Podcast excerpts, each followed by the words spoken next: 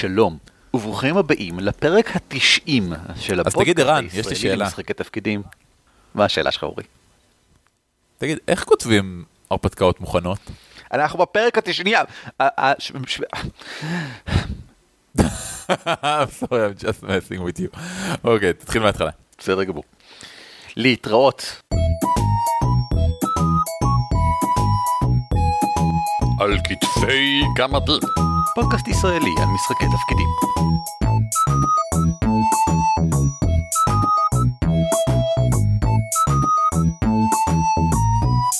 שלום וברוכים הבאים לפרק ה-90 של על כתפי גמדים, הפודקאסט הישראלי למשחקי תפקידים. שמי הוא רן אבירם. נעים מאוד, אורי ליפשיץ. ואחרי 90 פרקים הגיע הזמן שנעסוק באחת השאלות שאנחנו מקבלים לדעתי בערך מהרגע הראשון. איך כותבים הרפתקה מוכנה? כן, אנחנו נענה על שאלתו של חגי קובץ', שנתקבלה לפני עשרות שנים. כן. איך כותבים הרפתקה מוכנה? זה נכון. והוא לא היחיד, עוד אנשים שאלו אותנו מאז, לעיתים זה קופץ בכל מיני פורומים וקבוצות שאני רואה מסביב. אה, חגי שאל את זה באופן הברור ביותר. איך כותבים משחק שאחרים יוכלו להריץ? על אילו דגשים צריך לחשוב כשכותבים הרפתקה לכנס או לפרסום? ואלה שאלות מדהימות, הן נשמעות אולי פשוטות לאנשים שלא יצא להם להתנסות בזה בכלל, הם אומרים, מה זאת אומרת, זה כמו שאני כותב הרפתקה לעצמי. אבל... אתה כותב את ההרפתקה, ואז כל אחד יכול להריץ אותה, לא? בדיוק, אבל האמת היא שזהו נושא כל כך ארוך, שלא רק שאנחנו נעסוק בו עכשיו באריכות, ואולי בשני חלקים, אנחנו גם נעשה ממנו אחר כך מדריך, כולל דוגמה, בגלל שזהו משהו שלשמוע אותו בפרק זה לא מספיק. כדי באמת לעשות זה כמו שצריך, צריכים לשבת עם זה כתוב מולכם, תוך כדי עבודה על ההרפתקה. ואנחנו רוצים שכמובן המידע שאנחנו נותנים יהיה מועיל. בוא נתחיל. דבר ראשון ראוי לציין שגם לאורי וגם לי יש ניסיון בכתיבת הרפתקאות מוכנות. אני ערכתי, כתבתי או תרגמתי אה, כמות גדולה של הרפתקאות. גם רשמיות וגם שאני עשיתי בעצמי אחר כך עבור כנסים, עבור הדפסה, עבור זכייה בתחרויות ודברים שכאלה. וממש לאחרונה אורי ואני עשינו את מגדל הפזמון. הפקנו אותה עבור כנס גיבורים, אורי כתב, אני ערכתי, ואנחנו נשתמש בה לעיתים בתור דוגמה כאן, וגם בהרפתקאות אחרות, כדי להראות כיצד זה נעשה במקומות שבהם זה כבר נעשה. וזוהי גם העצה הראשונה. דבר ראשון, כאשר אתה בא לכתוב הרפתקה מוכנה, קרא מלא הרפתקאות מוכנות, מיליון, ובאלף ואחד סוגים שונים של פורמטים. תראו איך כתבו הרפתקה מוכנה של מבוכי ודרקונים 5, לעומת איך כותבים הרפתקה של פאת'פיינדר, ומדובר, למרות שהן כביכול שיטות של פנטזיה וקסמים וכן הלאה, מדובר בדרכים מאוד שונות לכתוב הרפתקה. תסתכלו על איך שכותבים הרפתקאות בצבאות אלמוניים, שם מדובר mm. במנגנון אחר לחלוטין של כתיבת הרפתקה. הם השוו ביניהם. קודם כל, אני, אני יודע מה כולכם חושבים עכשיו, מה, אני שיחקתי מלא הרפתקאות, אני, אני שיחקתי ב-Unknown Army, שיחקתי ב-Pathfinder, אני, אני מכיר איך הרפתקה מוכנה בנויה. קודם כל, לא נכון, לשחק בהרפתקה לא אומר לך כלום על איך היא בנויה, מאחורי הקלעים. ועכשיו כולם כמובן חושבים, לא, אני, אני הרצתי כבר מלא הרפתקאות מוכנות, וזה גם לא אומר. כי להריץ הרפתקה, לבין להסתכל עליה בקריאה ביקורתית של איך היא בנויה, זה דברים שונים. אני ממליץ קודם כל, מעכשיו הלאה, כשאתם מריצים הרפתקה מוכנה, תחשבו על דברים מאוד פשוטים. כמה זמן הייתי צריך להשקיע בשביל להבין מה קורה פה? למה לקח לי הרבה זמן? למה לקח לי פה קצת זמן? מה, תוך כדי הערצה, מה הפריע לי?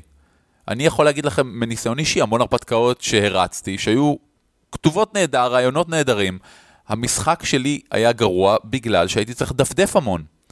ברמת העריכה, עריכה משחקית, לא לשונית או דפוסית. היה הרבה פעמים שצריך לדפדף קדימה אחורה כדי להגיע, אה, הם שואלים אותו על מה שקרה קודם, בואו נדפדף מהר אחורה להיסטוריה, בואו נדפדף מהר קדימה להיסטוריה של הדמות השנייה, במקום שהכל יהיה מרוכז לי במקום אחד. כל הדברים האלה הם דברים שאתם חייבים לשים לב לאיך ההרפתקה בנויה, רצוי תוך כדי קריאה ראשונה או תוך כדי הרצה הראשונה. ראוי לציין שאני מריץ בעיקר הרפתקאות מוכנות. אני חושב שבעשר השנים האחרונות הרצתי כ-90% מההרפתקאות שהרצתי היו הרפתקאות מוכנות. אני מאוד אוהב את זה, זה מאוד קל לי להריץ הרפתקה מוכנה, גם בגלל שאני כבר מניח שאם מדובר בהרפתקה שיצאה לאור, אז בוודאי מישהו השקיע בה הרבה זמן, מאמץ וכסף, ולכן היא כנראה באיכות גבוהה, ורק כדי לוודא אני קורא ביקורות לפני כן, כמו כל מוצר שאני בא לקנות. ודבר שני, זה פשוט יותר קל, אני לא צריך להשקיע את הזמן בלכתוב אותה ובליצור אותה. אמ, אני רק צריך לקחת את התוכן המוכן ולהריץ אותו, ששוב, אני כבר יודע שמדובר במשהו באיכות גבוהה.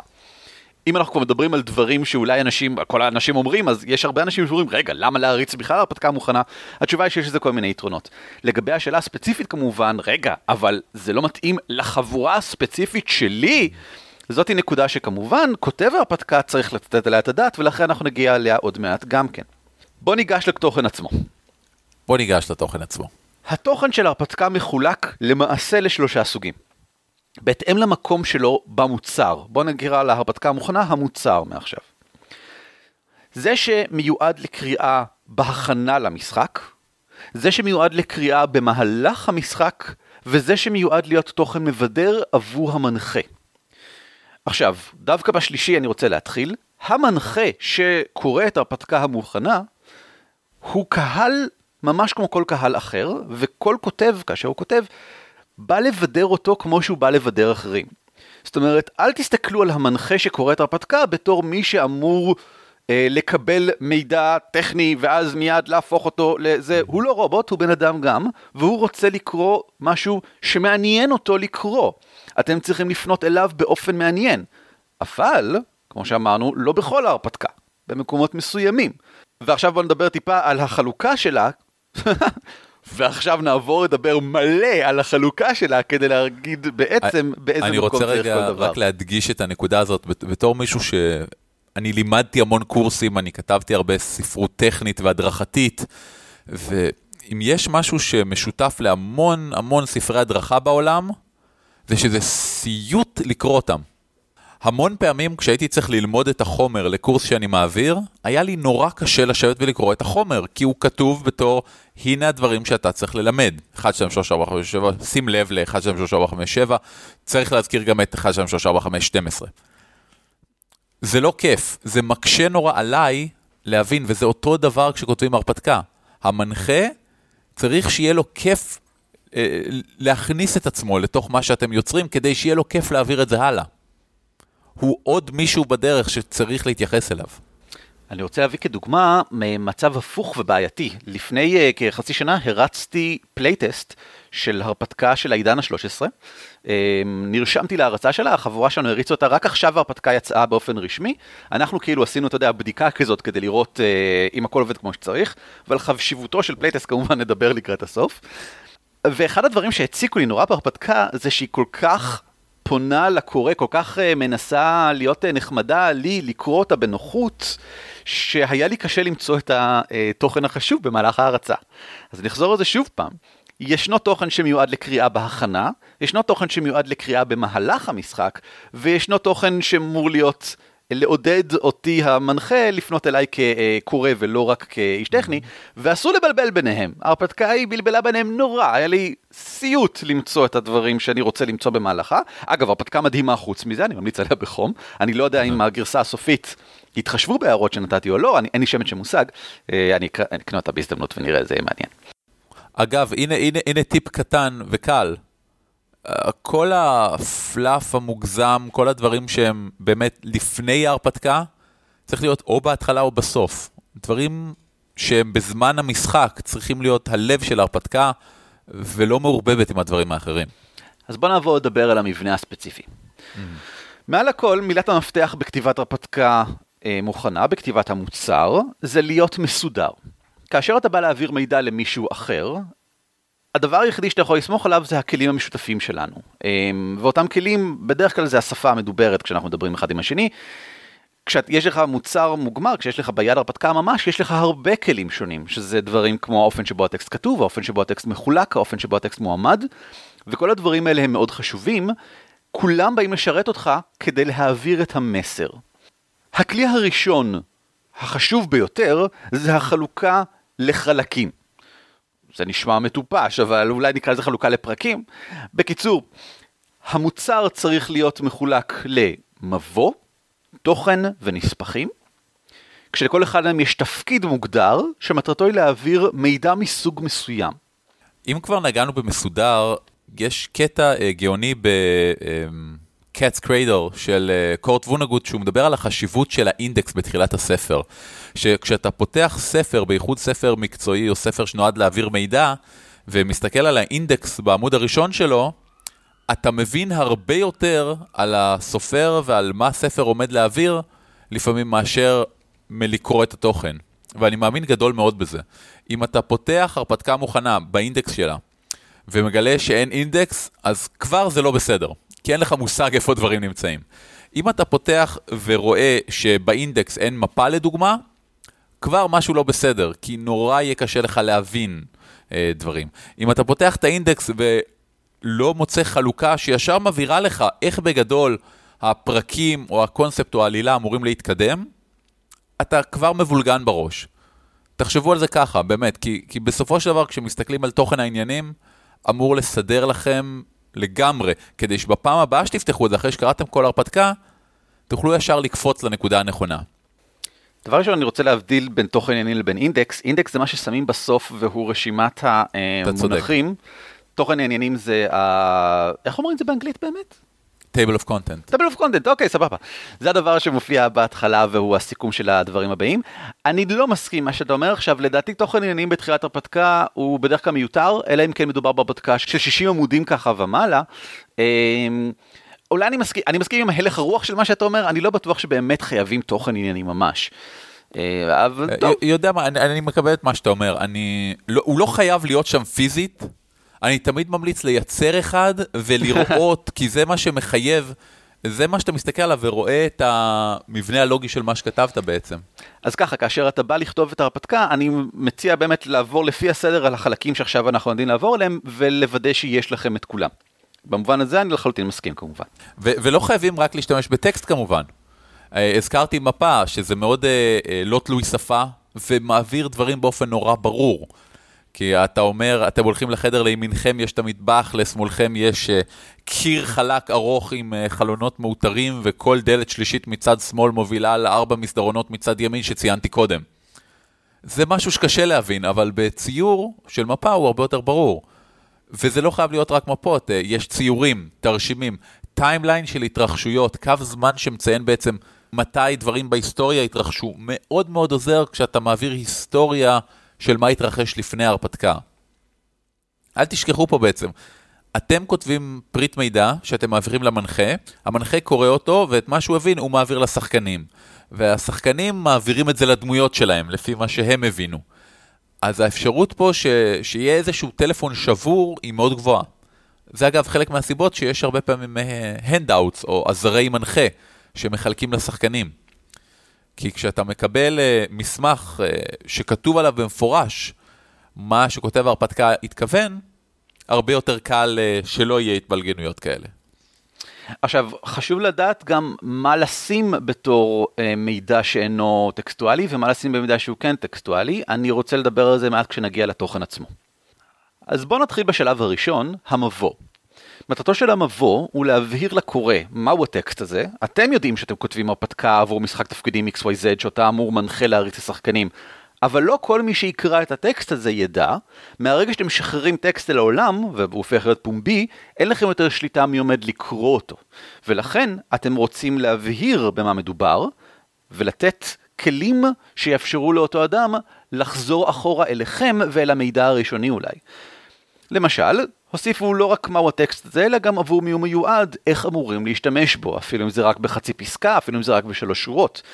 תנו פרטי יצירת קשר איתכם, עם הכותב, אה, מייל אולי, או איפה אתם נוהגים להסתובב. אני ממליץ בחום רב לתת מייל. קישורים למקומות רלוונטיים נוספים, כמו האתר של החברה שמייצרת את המשחק, הגרפיקאי שנתן או ששילמתם לו על האיורים כאן. Uh, המקום בו מתארח כרגע הטקסט הזה, או הכנס עבורו הוא יועד כשכתבתם אותו. הדברים האלה הם הכרחיים. זהו המבוא שלפני כל המסמך, וזה לא משנה בכלל באיזה מסמך מדובר, מהרגע שמסמך הוא פומבי, זהו דבר שחייב שיהיה שם. השלב הבא הוא ההקדמה, וההקדמה היא כבר המקום שבו אנחנו מדברים אליך כמנחה, ואנחנו מתחילים לדבר על ההרפתקה עצמה.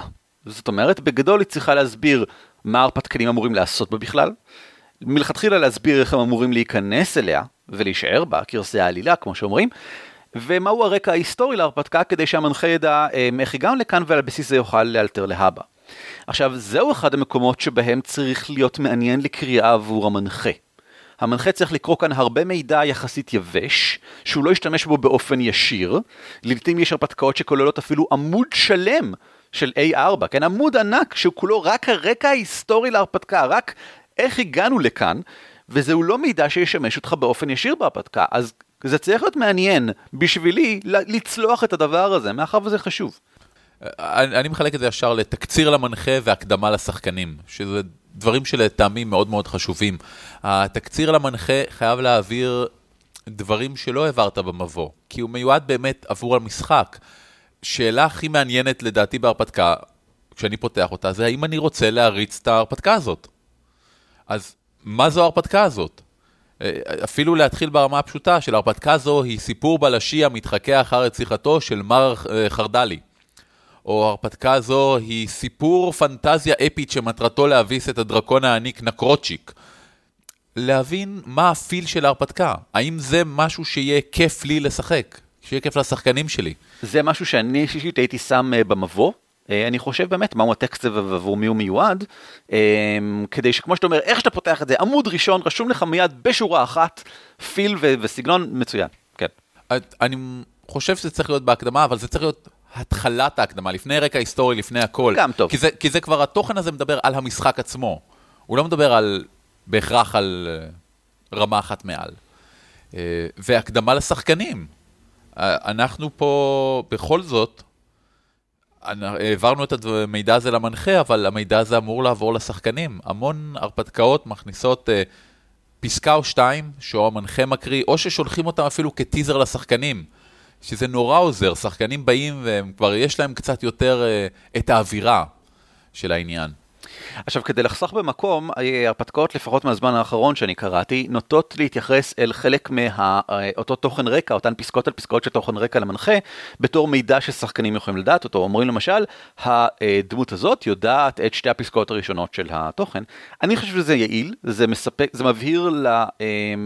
מנחה אה, מה מהמידע הזה צריך להגיע לשחקנים ומה ממנו נחשב בעצם כסוד, אה, לפי מה פסקאות, חלוקת פסקאות, כאילו, אתה יודע, המוקדמות ביותר או מאוחרות ביותר הן סודיות ו/או אה, ידועות. פסקת פתיחה לשחקנים, אני עושה הפרדה, לפחות אצלי בראש, בין הפסקה שמיועדת בתור הדבר הראשון שאתה אומר כשמתחילים את ההרפתקה, שאני חושב שהיא מאוד חשובה, אבל אני חושב שהיא לא מקומה לא כאן, אלא בתוכן, במקום הבא, וזה כאילו...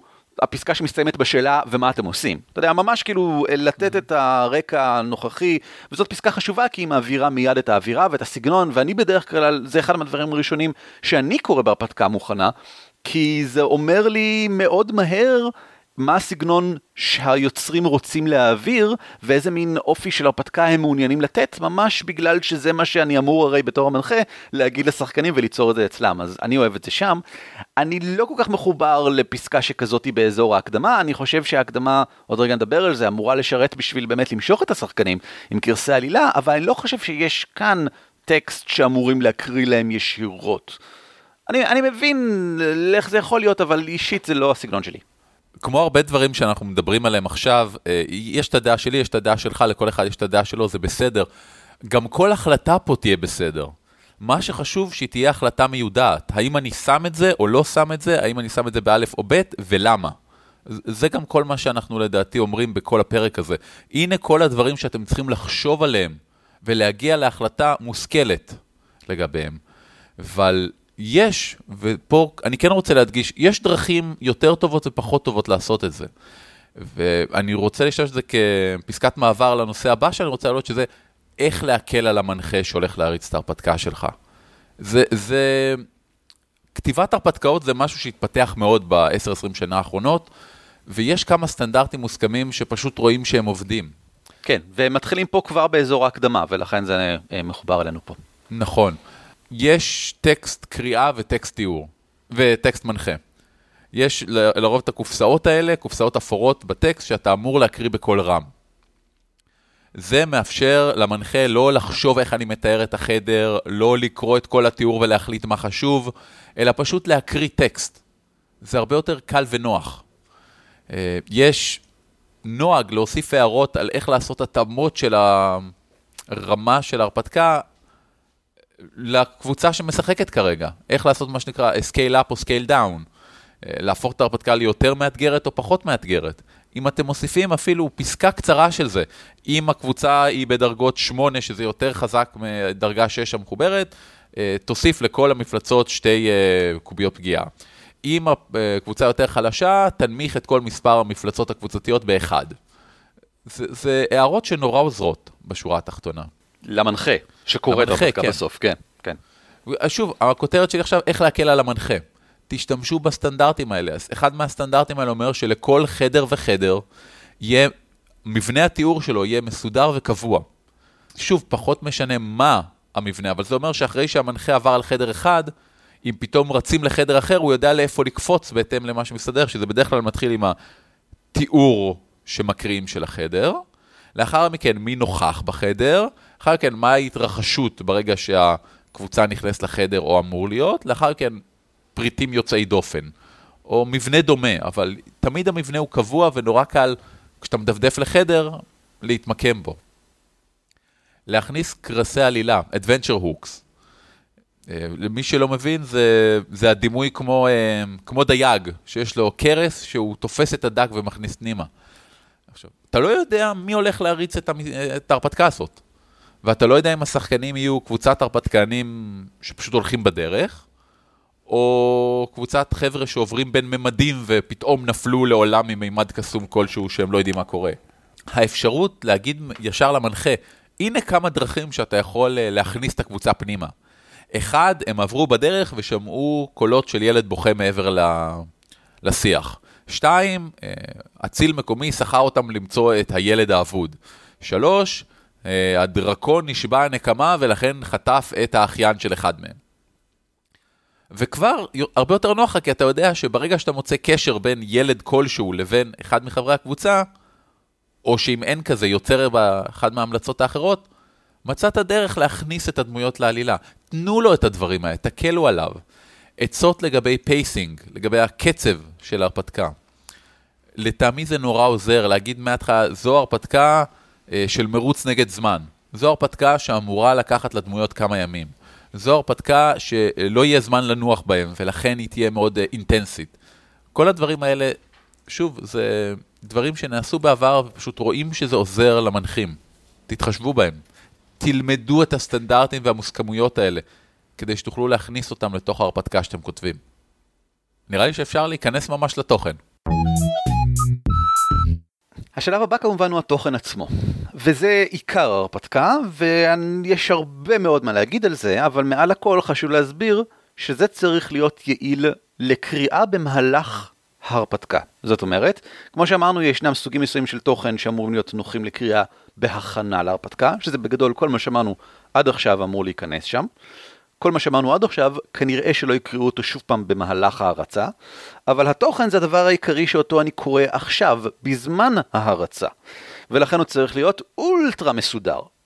כמו שאמרנו, חייבים לשמור על חלוקה מסודרת לגושים של תוכן. מה הם גושי התוכן זה כבר תלוי בסוג ההרפתקה. אם מדובר במבוך, אז כמובן שכל חדר נחשב כגוש תוכן נפרד. אה, כל אגף במבוך הוא אוסף של אה, חדרים מחוברים ביחד, וזה משהו שכדאי באמת להפריד ביניהם. אם למשל, ההפרדה הקלאסית כמובן היא בין קומות מבוך. קומת מבוך אחת, כל החדרים יושבים במקום מסוים, קומת מבוך שתיים, כל החדרים יושבים במקום אחר, אבל גם אם למשל קומת מבוך אחת מחולקת בין הטרוגלודיטים הלוחמים לבין uh, יסודני האדמה הפולשים, ומדובר בשני אזורים שונים של אותה קומה מבחינת פיל וסגנון, וחשוב מזה, מבחינת כנראה האופן שבו השחקנים יעברו אותם במהלך ההרפתקה, כדאי להפריד אותם גם כן באופן, אה, אני אומר במרכאות פיזי, על גבי העמודים עצמם, ולוודא שזה לא שחדר אחד יהיה עם טרוגלודית וחדר שתיים כבר יהיה עם אנשי whatever. אה, מה אמרתם מקודם? יסודנים? אז הם לא אנשים, הם יסודנים בכלל. הם יסודנים נוראים, ואני לא מאמין שהם פלשו ל troglodytes. הפלישה שלהם. הייתה הולמת והוגנת, שתדע לך, אבל uh, זה... Uh, תיקח את הצד של היסודנים, בסדר, רק כי הם ניטרלים מבחינה מרחבית ויקומית. לא, זה לא בסדר. אגב, זה מאוד חשוב להכניס פה את המספור של החדרים, כי זה משהו שאכלתי איתו הרבה קש ב... אה, במגדל הפזמון. המספור של החדרים, אם הוא לא תואם לאווירה, אה, לרוב גורם לזה שאתה לא מצליח לחלק נכון את החדרים במקומות השונים. עכשיו, זה משהו שכדאי לעשות בשלב השכתוב. זאת אומרת, למשל, אורי, כשהוא כתב את מגדל הפזמון, הוא שם את החדרים פשוט לפי הסדר שהוא חשב עליהם. חדר אחת, הוא התחיל לחשוב על זה, אוקיי, מאיפה נכנסים? אז חדר אחת היה הכניסה. אבל חדר תשע וחדר עשר, נגיד, אני סתם זורק, מטבח והחדר של uh, האוצר, הוא סתם הגיע אליהם כי הוא הגיע אליהם, והם נשארו פשוט לפי הסדר הזה. אבל לאחר מכן היינו צריכים לסדר אותם מחדש, מאחר וזה לא הסדר שבו השחקנים היו עוברים אותם באמת.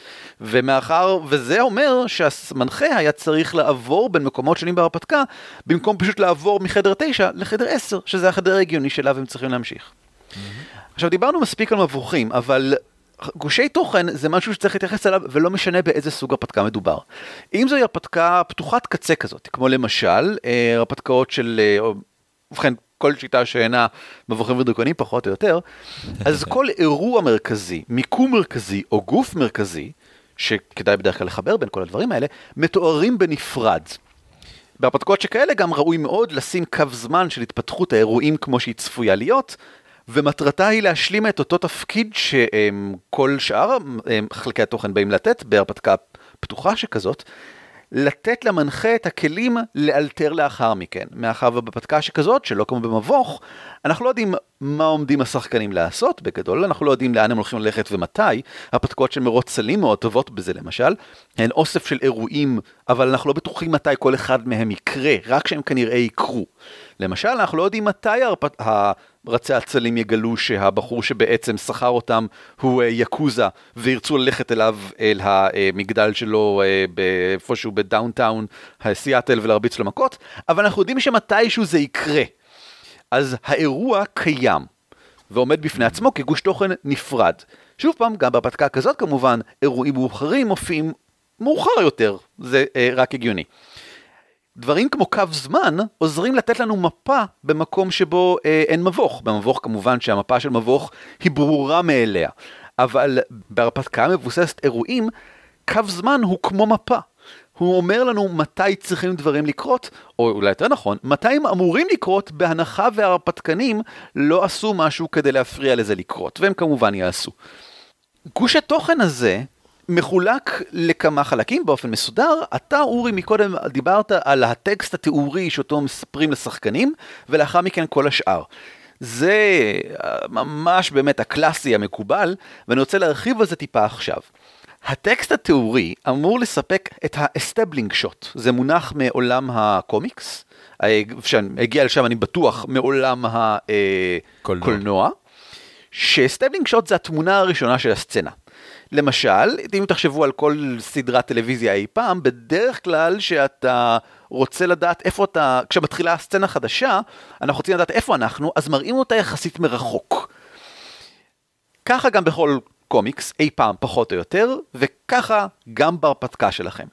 בקולנוע לפחות, בדרך כלל establishing shot, הרעיון הוא גם להציג uh, את הדמויות המרכזיות שיהיה לך בסצנה, או את היחסים ביניהם.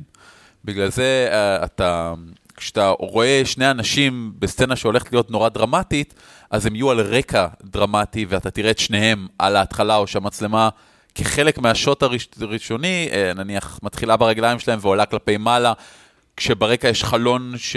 שגשם יורד עליו, אז כבר מזה אמור להיות ברור לי כצופה, או יותר נכון, לא ברור לי, אבל ההרגשה כבר בפנים, שהולך להיות משהו מאוד עצוב בין שני הדמויות האלה. ה-establishing shot בא אפילו באופן אה, לא מודע להבהיר לי את המהות של מה שהולך להתרחש, יותר מאשר רק את המקום. בדיוק כך אותו דבר, הטקסט התיאורי. הוא אמור להסביר לנו לא רק איפה אנחנו נמצאים, אלא מה אנחנו אמורים להרגיש לגבי זה.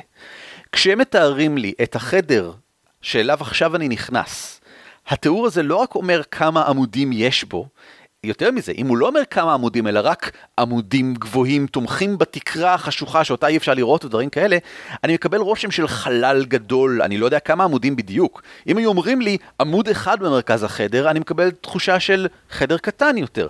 אם אומרים לי למשל, הגובלין הישן ליד השולחן עם אה, האוכל המבוזר עליו, ברור לי שמדובר במקום שהוא... משעשע, אבל אם אומרים לי, תהום ענקית במרכז החדר ורוח חזקה נושפת דרכה, ואני מקבל את הרושם שייתכן שאני אפול בתהום הזאת. על ההתחלה, הדבר הראשון שאתה אומר, נותן את הרושם הראשוני והחזק, חשוב מאוד שזה ייאמר בטקסט התיאורי הזה. בנוסף, כל רמז רלוונטי צריך להיאמר mm-hmm. כאן. כמובן שכל הדמויות הרלוונטיות, וכל דבר אחר שאתה רוצה שהשחקנים כבר יחשבו עליו. דברים כמו, ויש בחדר דלת אדומה, זה דבר בולט, זה דבר חשוב, אפילו אם זה ייאמר בסוף, התוספה, התוספת הזאת של אדומה אומר לשחקנים משהו, זה מה שהם יתפסו בו. מהטקסט התיאורי שלך, בו נמצאים הקרסים שאותם עומדים לתפוס כדי להמשיך הלאה. ולכן, אם יש משהו שאתה רוצה להסתיר, כמובן, חשוב שהוא לא יהיה בו באותו אופן. אתה ככותב ההרפתקה צריך לדעת את כל הדברים האלה. דיברנו על זה כשדיברנו על אה, איך לתאר דברים באחד מהפרקים הקודמים שלנו, איך לעודד אנשים לעשות פעולות מסוימות. כמות הזמן שאתה משקיע בתיאור, כמנחה, בתיאור של משהו בחדר, מקביל לכמות הזמן שהמצלמה בסרט נמצאת בזום אין על האובייקט הזה. אז ההבדל בין יש, חד... יש אה, דלת מזרחה לבין יש דלת אדומה מזרחה, אומר שהמצלמה התעכבה לעוד רגע על הדלת, מה שאומר לנו כצופים שזו דלת חשובה. דיברנו באחד הפרקים המוקדמים יותר, אני אתן כמובן קישור בהערות הפרק, על כמה חשוב הפרטים שאתה נותן כדי להעביר לשחקנים שזהו משהו חשוב. אז אתה בתור האיש שעוד מעל המנחה, אתה זה שכותב למנחה, אה, בוודאי שאתה צריך לחשוב על הדבר הזה גם כן. אם זוהי הדלת המעוטרת בזהב ועליה סימן בצורת ראשו של הנבל הראשי, זו בוודאי לא סתם דלת, וכמובן שזה הדבר הראשון שאנשים יבדקו בחדר הזה, אלא אם כן תיארת עוד דברים. אבל זה לגבי מבוכים. ישנן גם סוגים של הרפתקאות כמובן שבהן אין מבוכים, אלא אולי נחזור למורות סלים בתור דוגמה טובה לזה, אה, מבוסס אירועים. כל ההרפתקאות של מרוץ צלים, פחות או יותר, הן הרפתקאות שבהן ישנה סדרה של אירועים, אבל לאו דווקא באופן רציף.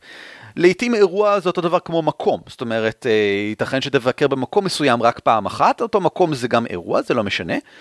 מסתכלים עליהם כעל גושים של תוכן עומדים בפני עצמם, וגם להם יש מבנה קבוע. למעשה, כל הרפתקה של מרוץ צלים באזור ההקדמה שלה מסבירה איך לקרוא את המבנה הקבוע הזה, וזה משהו שכמובן מנחה מנוסה מדלג עליו, וזה עמוד שלם שמוקדש כולו רק להסביר איך לקרוא את השאר, אבל בשביל מנחה מתחיל זה מאוד חשוב, וזה גם משהו שמאוד כדאי למי שרוצה לכתוב הרפתקאות לקרוא. המבנה עובד ככה, כל גוש תוכן מתחיל בוואטסאפ צ'אמר, שבו בשתי שורות מוסבר מה קורה בסצנה הזאת. למשל, הפיקסר מתקשר לדמויות ומציע להן הצעה שאי אפשר לסרב לה. או, הדמויות פוגשות את XYZ בגן החיות ושם מתנגשים בו. ומתפתח קרב והן נאלצות לברוח מהמקום. למשל. מטרתן של שתי השורות האלה זה להסביר למנחה, תוך כדי שהוא עובר בהרפתקה, רגע, אני, אני בסצנה הנכונה? כי הוא לאו דווקא זוכר מהשם של הסצנה, לכל סצנה יש שם, אה, במה מדובר.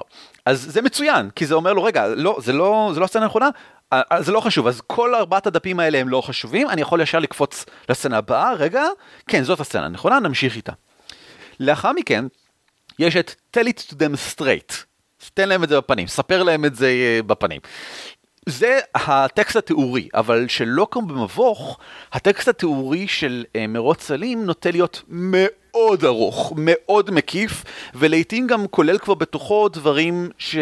מניחים שהדמויות עושות, כמו אתם נכנסים פנימה, אתם אה, אה, רואים אותו מרחוק, הריח אה, מסריח לכם, כל מיני דברים שכאלה. Mm. והוא מאוד ארוך בגלל שזה המקום היחידי שבו יש טקסט תיאורי לסצנה שלמה. חדר מבוך זה מקום מאוד קטן, אנחנו נסיים אותו עוד רבע שעה ונמשיך לחדר הבא. אבל הסצנה הזאת יכולה לקחת שעה וחצי. אז חשוב מאוד שהפסקאות האלה יסבירו לדמויות איפה נמצאים, מה צפוי שהאורך של הסצנה הזאת תהיה, מה האופי שהם מקבלים ממנה. למשל, האם זה עומד להיות פשוט פגישה עם הג'ונסון בפאב, ואז הם אה, מסיימים את השיחה אחרי איזשהו אה, משא ומתן והולכים, אז זה כנראה יהיה 20 דקות.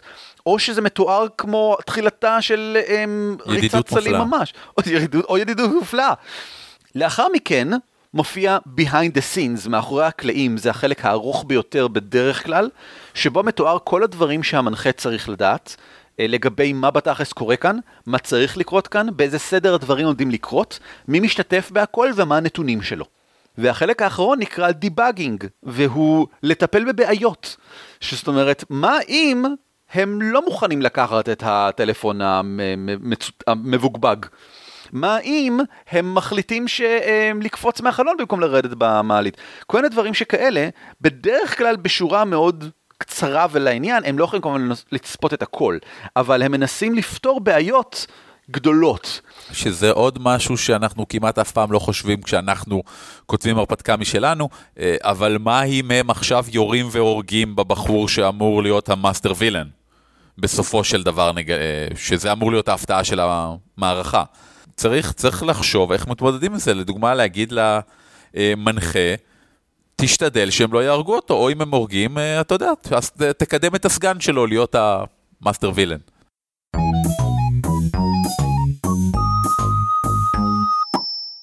עד כאן החלק הראשון, אנחנו מקווים שנהניתם. בשבוע הבא, החלק השני, עם עוד המון המון פרטים נוספים שכדאי לחשוב עליהם בעת כתיבת הרפתקה מוכנה. אזכיר שוב פעם שבקרוב יעלה עמוד מדריכים, ובו בין היתר יהיה מדריך לכתיבת הרפתקה מוכנה, אה, שמסכם את כל מה שאמרנו כאן באופן כתוב ומסודר מאוד. אם יש לכם רעיונות למדריכים נוספים שהייתם רוצים לראות, זה הזמן לציין זאת. אנא שלחו לנו מייל, או ייכנסו לעמוד הפייסבוק, שם פתחנו סקר, בו אנחנו מחפשים לראות עוד הצעות שיש לכם למדריכים נוספים שהייתם רוצים לראות, וחשוב לציין שמבחינתנו מדריך מטרתו לספק למישהו את הכלים המעשיים לבצע איזשהו מהלך כלשהו שקשור למשחקי תפקידים, בין אם זה למשל כתיבת הרפתקה מוכנה, או להריץ משחק ברול 20. כל זה נפרד מהסרטונים שאנחנו יודעים לעשות, שיהיו בעיקר מבואות לדברים שונים, אבל לזה כבר נגיע בחודשים הבאים. להתראות. על כתפי גמדים משותף ברישיון שיתוף ייחוס זהה Creative Commons 3. המייל שלנו הוא גמדים את roleplay.co.il והאתר שלנו בדוורבס.org.il. ניתן למצוא אותנו גם בטוויטר, פייסבוק וגוגל פלוס.